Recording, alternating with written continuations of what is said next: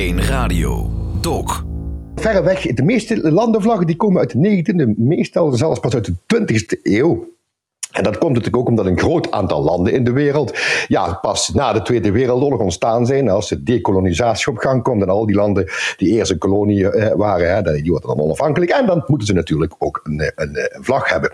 En uh, ja, de oudste vlaggen zijn natuurlijk van Europese landen. Daar was het gebruik eh, toch wel het eerste ingeburgerd. Uh, uh, ja, ik moet er een paar noemen natuurlijk. Denemarken, uh, die is de alleroudste. Nederland, Verenigd Koninkrijk en, en Frankrijk, dat zijn wel zo'n beetje de oudste uh, vlaggen van, van, van Europa.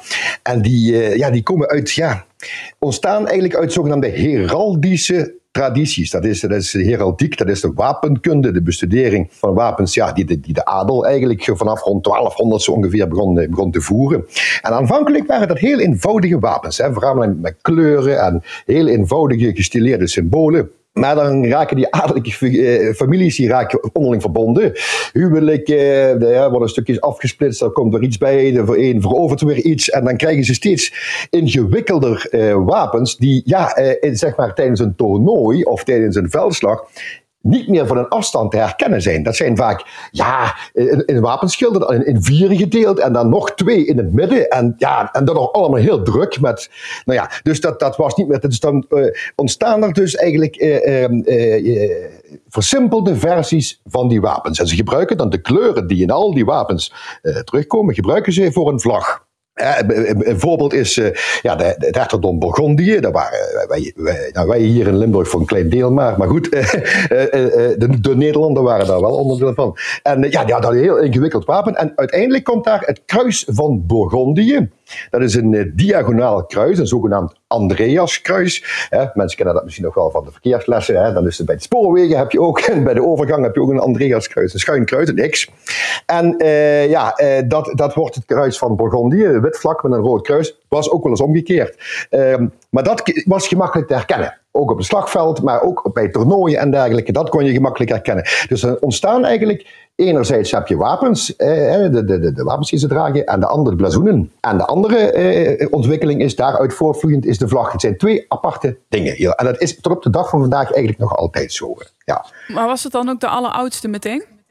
Ja, die vlag van Burgondië, ja, dat is, het is, het is uh, wel een hele oude. Uh, die, dan zitten we rond, uh, rond 1400 ongeveer, dat dit 4, 1450 dat dat ingevoerd wordt. Maar de alleroudste, nog steeds in gebruik zijnde nationale vlag is de vlag van Denemarken, ook wel de Dannebrog genoemd. Die stamt ja, nog echt wel wat eerder, 13e, 14e eeuw, hè, want tussen 12 en 1300 ergens. Uh, maar over het ontstaan van dat ding zijn erg weinig bronnen, behalve dat het de oudste is. dan komen we vervolgens al bij de eh, Schotse en Engelse vlaggen, die zijn zelfs nog wat ouder, hè, tussen 1100, 1200 zo ongeveer. Maar dat zijn natuurlijk tegenwoordig geen nationale vlaggen meer. Hè. Schotland en, en, en Engeland zijn uh, Groot-Brittannië geworden. Hè. En wel is dat tijdens de voetbalwedstrijden nog herkenbaar, hè, bijvoorbeeld, of allerlei andere sportevenementen. Hè, de Schotten die, die sminken zich zelfs met een wit Andreaskruis, blauw en blauw gezicht en daar dwars overheen een wit schuin kruis. En de, de Engelsen hebben dan een wit gezicht met een rood Sint-Joris in Sint-Joris-kruis, is in het midden. Uh, niet schuin, maar gewoon keurig in het midden een kruis gezet. Uh, ja, en dan zie je, en daaruit voort vloeit de Britse vlag, die wij tegenwoordig ook nog altijd kennen. Schotland en Engeland die gaan rond 1600 werden die één koninkrijk. En die vlaggen zijn op elkaar geplakt. En daar kwam later nog Ierland bij, die hadden dan een schuin rood Andreas kruis op een wit veld. En dan heb je alle kruisen en uh, uh, strepen heb je bij elkaar en dan krijg je die, ja, die, die toch wat ja, vreemd aandoende uh, vlak van het Verenigd Koninkrijk. Hè. Dus ehm, ja, dit is zo, zo echt een groeidocument geweest, die, die Britse vlag bijvoorbeeld. Ja, de Union Jack noemen ze hem. Even naar Nederland, Hugo. Ik, ik weet dat wij een heel oud volkslied hebben, maar geldt het ook voor de vlag, dat rood-wit-blauw? Ja, we hebben het oudste volkslied ter wereld wat nog altijd gezongen wordt. Dat is eh, zeker waar. Uh, alleen, uh, ja, die vlag is ook een oudje, maar niet de oudste.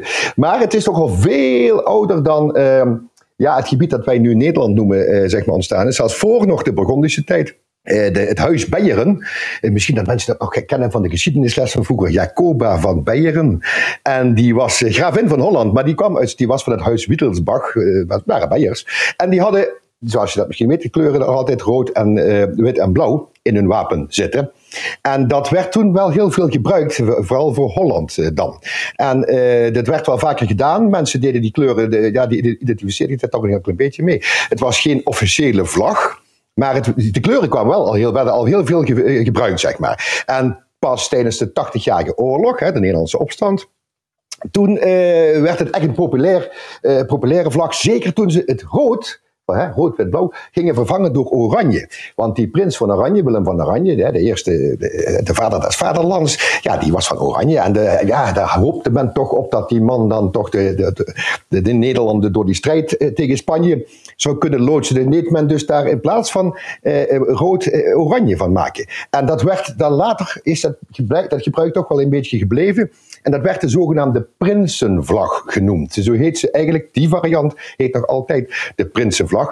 Maar de tegenstanders van die Oranjes, dat waren de, ja, dat waren de regenten, de, de, leidende elite. Die hadden niet zo heel erg veel op met dat Huis Oranje. En die bleven dat rood uh, erin uh, voeren. Dus daar, is, daar komt toch een, een, een, een, een strijd toen al. En die Prinsenvlag is later echt in een hele kwaaie reuk komen te staan toen eh, de NSB eh, net voor en tijdens de Tweede Wereldoorlog natuurlijk, eh, dat als enige echte vlag, Nederlandse vlag, verkoos. En daarom heeft koningin Wilhelmina in de tijd nog in 1937 een wet getekend waarin definitief voor kobaltblauw werd gekozen en ook vermiljoen rood. En ja, dat was om duidelijk te maken dat het niet die prinsenvlag was, maar echt een andere. En helaas, die prinsenvlag is tot de dag van vandaag, ja, blijft dat toch wel echt door extreemrechtse groeperingen in Nederland en in Vlaanderen in gebruik als, als om zich toch te onderscheiden, zeg maar. Dus maar die, ja, dat, daar, het heeft wel degelijk te maken met de ontstaansgeschiedenis van ons, uh, ons dundoek, zeg ja, maar. Ja. Dus wij zijn eigenlijk gebleven bij dat rood-wit-blauw. Maar als we dan even kijken naar ons en naar onze buren, dan lijkt de rood-wit-blauwe vlag weer die op, op die van uh, Frankrijk en Duitsland en België lijkt op elkaar. Hebben ze in die tijd nou alles gewoon van elkaar afgekeken? De kleuren bijvoorbeeld in Frankrijk, komen die van Nederland? Nou ja, dat, die, die conclusie zou voor de hand liggen, maar dat is toch niet helemaal uh, waar. Uh, om niet te zeggen helemaal niet waar. Zelfs. Uh, oorspronkelijk had Frankrijk voerde de vlag van de koningen van Frankrijk. En dat waren aanvankelijk, toen het het huis Valois was, waren dat gouden Franse lelies op een blauw, blauwe achtergrond. En toen het het huis Bourbon werd, hè, dat zijn van die zonnekoningen en zo, dat was het huis Bourbon. Die hadden gouden lelies op een wit, uh, wit vlak. En uh, dus dat was eigenlijk altijd bekend als de vlag van Frankrijk. En toen de revolutie uitbrak, wilde men toch wel iets anders dan uh, ja, alleen maar de koning uiteraard eren. Hè. Die, stond, ja, die stond toch wel tamelijk veel onder druk. De koos voor de kleuren van de stad Parijs. Dat was rood en blauw. En die koning werd nog niet meteen weggejaagd toen de revolutie uitbrak. Dus heeft men dat wit van dit huis Bourbon heeft men er ook nog ingezet. Ondanks dat hij even later, een paar jaar later op de guillotine terecht kwam, heeft men dat toch eh, in, in 1794 als de officiële Franse vlag is men dat gaan voeren. En ook Napoleon heeft het, eh, ja, misschien zelfs wel helemaal geëxporteerd. Eh, dus die, die heeft dat, eh, en, en het is, het is nog heel eventjes toen de koningen weer terugkwamen na Napoleon, hebben ze weer die, die, die, die, die, die lelies uh, teruggevoerd. De lelies kennen de mensen wel van een betere uh, siersmeetwerk. maar uh, ja, het is daarna weer echt, de, en nu nog altijd natuurlijk, ja, de Franse vlag gebleven. Dus ja. dat is, ja. Met andere kleuren lijkt de Belgische vlag daar heel erg op. Hè? Dat verticale, hebben de Belgen dat dan weer uit Frankrijk gehaald? Ja, dat kan. Dat weet men niet helemaal zeker. Uh, die ontstond in ieder geval de Belgische vlag bij, bij, de, bij de Belgische opstand van 1830. Uh, aanvankelijk zwaaide men namelijk daar uh, tijdens die revolutie, want dat was het wel, met een, een Franse vlag. enerzijds beschouwde men die Franse vlag als revolutionair, immers was ze ontstaan in de Franse Revolutie. Eh, anderzijds eh, was die koning Willem I, eh, die was heel erg impopulair in België geworden omdat hij taaldwang eh, had toegepast. Dus eh, alle ehm, Frans sprekende bestuurders moesten de bestuurstaal Nederlands hanteren. En daar kwam toch wel heel erg veel verzet tegen. En ehm, dus misschien dat dat ook wel een reden geweest is om dat met een Franse vlag te gaan wapperen. Maar de leiders van die, van die opstand, die waren daar toch niet zo heel erg blij mee. En die hebben dan heel vlug zelf een vlag eh, bedacht. En dat waren die kleuren, dat is nog altijd eh, eh, zwart, ehm, geel, rood. Dat is de volgorde ook. en die is afgeleid van de Brabantse vlag. Er is een zwarte, zwart vlak met een gouden leeuw en die heeft een rode tong en rode klauwen.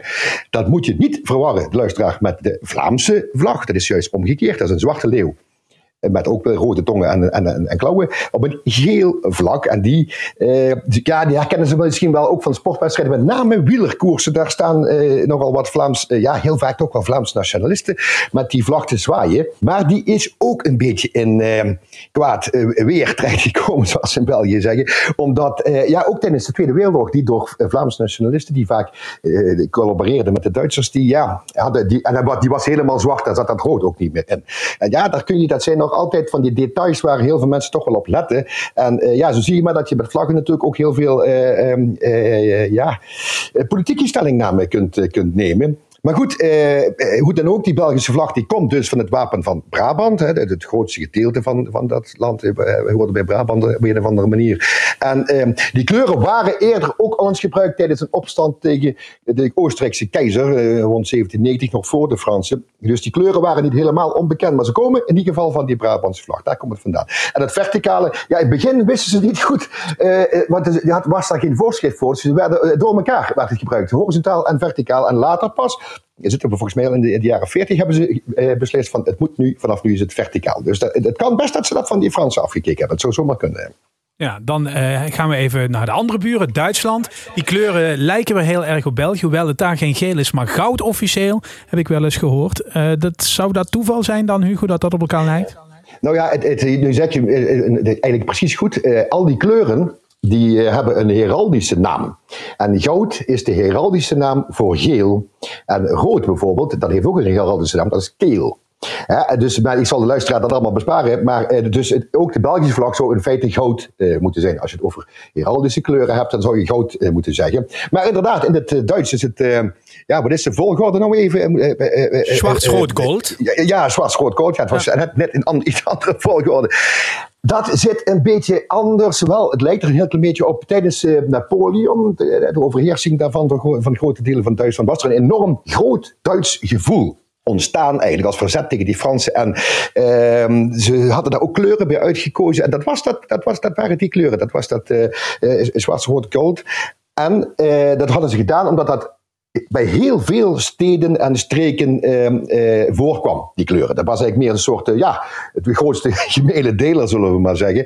En uh, ja, wat wij nu als Duitsland kennen, dat bestond echter uit 36 verschillende staatjes, hè, met Pruisen en Beieren als allergrootste. En die hadden ja, allemaal hun eigen kleuren, dus ze hebben daar een beetje een mengelmoesje van moeten maken. En toen was er op een gegeven moment in 1848 was er een revolutie die, en toen wilde inderdaad een aantal, dat was een hele stroming, die wilde Duitsland tot één groot land verenigen. Die hadden ook die kleuren nog eens een keer onder de aandacht gebracht. Vanaf toen is die vlag ook heel erg bekend geworden. Maar uiteindelijk wordt die opstand neergeslagen. En als Duitsland dan in 1870 inderdaad één land wordt, dan kiest men voor de kleuren rood, wit, zwart zwart-wit van Pruisen en het rood-wit van de Hanzesteden. Hè. Uh, Hamburg als voorop natuurlijk. Uh, heel veel Hanzesteden hier ook in, in Nederland. Zwolle is ook een Hanzestad. Heel vaak hadden die rood-wit als. Dus die heeft men, dat, die heeft men daar. Uh, dus men wilde ook een beetje wegblijven uit die kleuren van die revolutie van 1848. Dat vond men. Hè, kijk, die, die, die Pruisische koning en keizer die wilde best wel over een heel groot Duitsland regeren. Maar niet uh, als dat van onderop van het volk kwam. Dan moest hij dat geregeld hebben. Dus hij, moest, hij wilde zich ook een beetje af, van die revolutionaire kleuren. Pas na de Tweede Wereldoorlog heel tussendoor, de Weimar Republiek tussen de oorlogen, hebben ze nog heel even diezelfde ja, uh, uh, zwart-rood-gold hebben ze nog gehad. Maar, ja, toen kwam de nazi-vlag natuurlijk. En pas na de Tweede Wereldoorlog is het definitief voor de beide Duitslanden overigens, de BRD en de DDR, die hebben dat, uh, dat uh, zwart-rood-gold uh, gebruikt. En dat is tegenwoordig natuurlijk nog altijd de vlag van, van Duitsland. Ja. Het, is toch een, het heeft er wel mee te maken met die kleuren, toch op een soort dezelfde manier als België tot stand gekomen, maar het is niet van elkaar afgekeken. Dat zeker niet, ja. Ja, dan hebben we het over een paar vlaggen gehad met strepen. Maar er zijn natuurlijk ook veel met uh, symboliek erin of met andere vormen erin. Als we even overseas kijken, bijvoorbeeld de vlag van Amerika. Ja, dat is een heel erg vooruitstrevende vlag. Uh, de, de, heel veel staten hebben ook die Amerikaanse vlag als voorbeeld genomen. Uh, tegenwoordig, wat er nog over, wat historisch zijn er echt tientallen, moet dat maar eens op, op Wikipedia eens nakijken. Maar tegenwoordig staat Chili, Maleisië, Uruguay, Griekenland, de Filipijnen, Togo, de laatste heeft zelfs heel andere kleuren gebruikt. En de, dat zie je overal hetzelfde model terug. Dus in een hoekje hebben ze een of ander symbool staan, hè, waar bij die, bij die Amerikanen die sterren staan. En, die strepen komen dan ook weer terug. Dus dat, is dat, dat, hebben ze, ja, dat hebben ze wel knap bedacht eigenlijk, die Amerikanen. En die vlag staat vol met symboliek, echt vol. Uh, toen die vlag op 4 juli 18, sorry, 1776, hè, de, de 4th of July, de onafhankelijkheidsdag, toen werd hij voor het eerst aangenomen. En dan hadden ze 13 rode strepen en een cirkeltje van 13 sterren. En dat waren de eerste 13 staten die zich bij die, uh, ja, dat onafhankelijke nieuwe gebied uh, uh, aangesloten hadden. En in een hoekje hadden ze de Britse vlag uh, gezet. Want het was nog altijd een kolonie van Engeland. Ze wilden het ook niet al te bond maken aanvankelijk. Uh, dus ze wilden toch hun trouw, hun, loyaliteit eigenlijk aan Engeland toch wel kenbaar maken. Maar ook even aangeven dat ze toch eigenlijk ook wel onafhankelijk uh, wilden worden. Dat, is een beetje, een beetje een tweestrijd. En ja, toen barstte er een oorlog los. Die Engelsen die lieten dat niet zomaar over zich heen gaan. Die gingen daar tegen, tegen vechten. Er kwam dan echt een onafhankelijkheidsoorlog. Ja, dan moesten ze iets anders bedenken natuurlijk. Dan hadden ze die 13 sterren. En dat waren 13 staten, 13 strepen, 13 sterren hè, van de 13 staten. En uh, ja, dat werd, en elke keer als er een staat bij kwam, dan deed een ster en een streep bij. Nou, dat werd wat al te ingewikkeld. Uh, want dat hele gebied wat wij nu als de Verenigde Staten kennen, het midden daarvan, dat heeft nog tot 18. 65, 70 geduurd eer dat dat helemaal ontdekt was. Dat was nog helemaal wild, dat was nog frontier, was het wilde westen. En dus er kwamen steeds meer staten bij en dan werd het eigenlijk ingewikkeld. Dan hebben ze gezegd, weet je wat, die strepen, dat blijven er 13. Dat zijn de eerste staten die zich bij die opstand tegen Engeland hebben aangesloten. En de sterren, daar zetten we er telkens eentje bij als er een, ster, eh, als er een, land, een staat bijgekomen is. Dus in totaal is die vlag 26 keer veranderd. en de laatste keer in 1960 toen eh, Hawaii er als 50ste staat bij kwam. Uh, dus er staan nu 50 sterren op van de 50 staten van uh, ja, de Verenigde Staten. Maar die vlag is dus uh, eigenlijk nog altijd under construction. Omdat ja, stel dat er nog een staat bij zou komen of wat dan ook. Misschien eentje weg zou gaan. Ja, dat is niet helemaal ondenkbaar. Ze hebben ooit een keer een burgeroorlog gehad. Dus, maar dan, ja, dan moet die vlag, mag die vlag mag en kan die vlag weer veranderd worden. Dus een, ook ja, under construction zou je kunnen zeggen. Ja, ja. En dan uh, terug naar hem, Hugo. De vlag ja. van Limburg, wit, blauw, geel met die rode leeuw erop. Ja, dat is nog een jonkie hoor, die vlag. Bestaat pas sinds 1953, hoewel eh, toen Limburg in eh, 1839, ja, had België zich definitief afgescheiden. Limburg hoorde, had daar heel graag bij gehoord.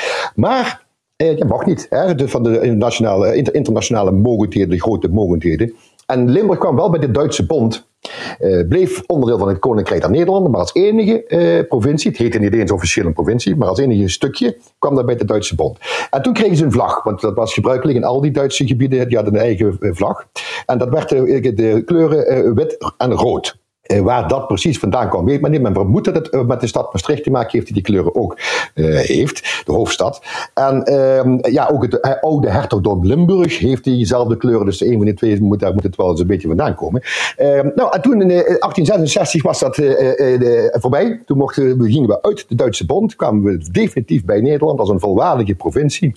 En toen vroeg het provinciebestuur officieel aan, aan de regering in Den Haag, goh, mogen wij die rood-witte vlag als provincievlag blijven voeren. Maar men was zeer onverbiddelijk. Men had dat wormvormig aanhangsel. Ja, eh, daar had men toch al heel veel gesodemieter mee gehad. En uh, le mot. En ja, dat, daar moest je dan geen aparte symbolen nog aan gaan. Dus dat werd verboden. Die mochten dat niet, mochten dat niet doen. Heel, de hele tijd later heeft Friesland datzelfde euvel gehad. Die maakte daar niet zo'n punt van. Die hebben ook een eigen vlag. Maar ja, Limburg is tot aan de Tweede Wereldoorlog is dat rood-wit als officieuze provincievlag wel in gebruik gebleven. Dat is toch wel de eigenheid van die provincie toch wel een keer weer mee, mee aan, aangetoond. En uh, ja, nou ja, na de Tweede Wereldoorlog veranderde dat hele verhaal toch wel. En toen heeft men alle provincies een vlag gegund. En dus ook Limburg. En dan hebben ze wel gezegd, we gaan een nieuwe, vlag maken. En die maken we op het basis van het wapen van Limburg. Dat hadden ze al langer. Uh, jaren 80 van de 19e eeuw. En daar staan vier kwartieren, dus het wapen is in vier stukken verdeeld. Valkenburg, Gulik, Horn, en Gelderen. En dan heb je nog een hard schild in het midden. Dat is het wapen van het oude hertogdom Limburg. Een heel festival aan kleuren zit daarin. En uh, ja, diezelfde kleuren die daarin voorkomen, heeft men ook op de vlag gebruikt. En uh, de Rode Leeuw van Limburg, want dat was het oude hertogdom Limburg, dat is eigenlijk voor het allergrootste gedeelte valt dat nu uh, in, in België, de streek uh, ja, tussen, België, tussen Luik en, en de Belgische-Duitse grens. Dat, daar lag dat eigenlijk, maar goed, een heel klein streepje onderaan de rand. Enfin. en ja, dus die, dat, dat, is, dat is uiteindelijk de provincievlag geworden zoals we hem nu nog kennen. En natuurlijk vooral met, met ja, typisch Limburgse festiviteiten wordt die vlag natuurlijk nog wel uitgehangen. Zie je dat tegenwoordig bijvoorbeeld met carnaval, hè, dat, ik, dat is toch ook een typisch Limburgse festiviteit, eh, wordt die vlag wel eh, verdrongen door de, de carnavalsvlag. Hè, rood, geel en groen, dat zijn de kleuren, eh, de kleuren van de nacht. En zo zie je maar dat net als in de middeleeuwen, als het te ingewikkeld wordt, hè, als je dat snel wil, iets met kleren wil doen, met, met, met, met, smink, dan heb je toch wat meer aan eenvoudige kleuren en eenvoudige symbolen die gemakkelijk aan te brengen zijn. En uh, ja, dat is uh, eigenlijk in al die honderden jaren is dat niet veranderd. De mensheid, de mensen willen toch iets simpels wat ze gemakkelijk kunnen herkennen. L1 Radio, Dok.